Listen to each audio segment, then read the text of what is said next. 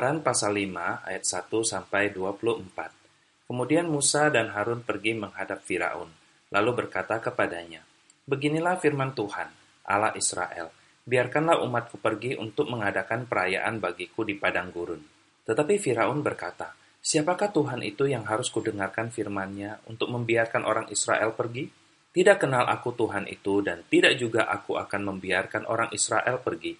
Lalu kata mereka, Allah orang Ibrani telah menemui kami. Izinkanlah kiranya kami pergi ke padang gurun tiga hari perjalanan jauhnya untuk mempersembahkan korban kepada Tuhan Allah kami, supaya jangan nanti mendatangkan kepada kami penyakit sampar atau pedang. Tetapi Raja Mesir berkata kepada mereka, Musa dan Harun, mengapakah kamu bawa bangsa-bangsa ini melalaikan pekerjaannya?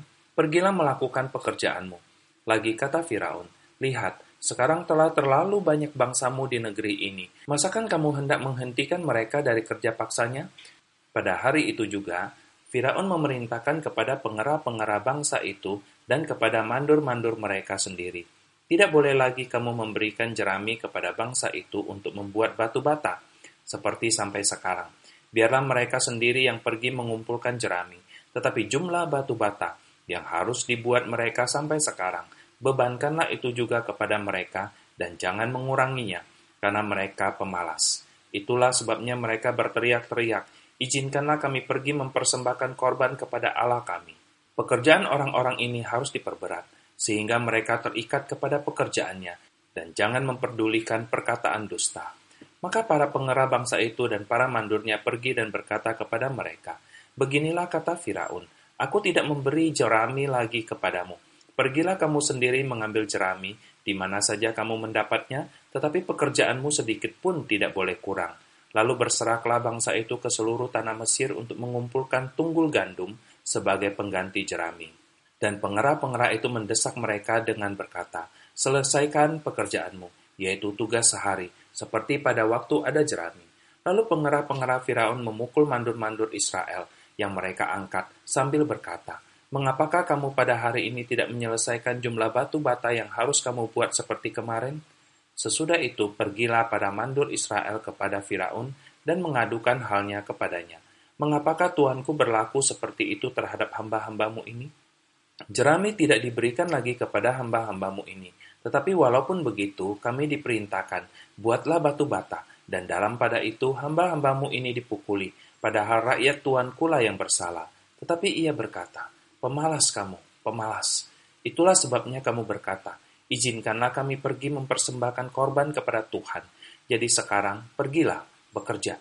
Jerami tidak akan diberikan lagi kepadamu, tetapi jumlah batu bata yang sama harus kamu serahkan. Maka mengertilah para mandur Israel bahwa mereka ada dalam keadaan susah, karena dikatakan kepada mereka, kamu tidak boleh mengurangi jumlah batu bata pada tiap-tiap hari. Waktu mereka meninggalkan Firaun, berjumpalah mereka dengan Musa dan Harun yang sedang menantikan mereka. Lalu mereka berkata kepada keduanya, Kiranya Tuhan memperhatikan perbuatanmu dan menghukumkan kamu, karena kamu telah membusukkan nama kami kepada Firaun dan hamba-hambanya, dan dengan demikian kamu telah memberikan pisau kepada mereka untuk membunuh kami. Lalu Musa kembali menghadap Tuhan, katanya, Tuhan, mengapakah kau perlakukan umat ini begitu bengis? Mengapa pula aku yang kau utus?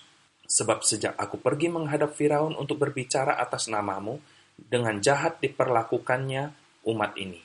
Dan engkau tidak melepaskan umatmu sama sekali. Sahabat, ujian kesabaran dan keteguhan, termasuk juga pembentukan bagi Musa, dimulai pada pasal ini. Tidak saja dia ditolak oleh Firaun, dia juga ditolak oleh bangsanya sendiri. Dia dicerca bahkan dikutuk oleh orang-orang ke mana Tuhan mengutusnya untuk menolong dan membawa mereka keluar dari tanah perbudakan. Perkataan yang pedas keluar dari mulut umat Allah. Kiranya Tuhan memperhatikan perbuatanmu dan menghukumkan kamu, karena kamu telah membusukkan nama kami kepada Firaun dan hamba-hambanya, dan dengan demikian kamu telah memberikan pisau kepada mereka untuk membunuh kami. Sebuah tanda tanya besar timbul di benak Musa. Jika Tuhan mengutus aku, mengapa mereka menolak aku? Mengapa mereka mengutuk aku dengan nama Tuhan? Apakah Tuhan akan mendengar dan menggenapkan kutukan mereka? Mungkin banyak pertanyaan dan keraguan terbersit di dalam benak Musa. Dia sulit mendapatkan jawaban. Musa tidak melemparkan tongkat kepemimpinan yang diberikan Tuhan. Dia juga tidak lari dari tanggung jawab yang sudah diberikan kepadanya. Hal yang benar telah dilakukan Musa. Dia sadar siapa yang mengutus dia, dan dia percaya pasti ada jawaban yang memuaskan jika bertanya kepada yang mengutus. Dari perkataan yang disampaikan Musa kepada Tuhan, mungkin kita bisa merasakan emosi, kekecewaan, kemarahan yang terpendam di dalam hatinya. Semuanya dia tumpahkan kepada Tuhan, Apakah dengan perkataan, Tuhan, mengapakah kau perlakukan umat ini begitu bengis? Mengapa pula aku yang kau utus? Sebab sejak aku pergi menghadap Firaun untuk berbicara atas namamu, dengan jahat diperlakukannya umat ini, dan engkau tidak melepaskan umatmu sama sekali. Berarti Musa tidak hormat kepada Tuhan? Sahabat, kita mungkin pernah mengalami apa yang dialami Musa. Sudah memberikan waktu, tenaga, pikiran, perasaan, dan bahkan uang kita untuk pelayanan. Tetapi yang kita dapatkan adalah cemooh, sindiran, kritikan, pandangan sinis, dan lain-lain. Bagaimana Anda menanggapinya? Dalam hal ini, Musa memberikan kita teladan dan cara yang benar. Dia tidak bersih tegang dengan saudara-saudaranya, tetapi dia datang kepada Tuhan. Dia keluarkan unek-unek hati kepada Tuhan. Kenapa? Karena dia tahu Tuhan yang telah mengutus dia pasti akan bertanggung jawab penuh dengan segala persoalan yang ada. Kiranya kita bisa belajar untuk memiliki hati Musa di dalam pelayanan dan kehidupan kita. Amin.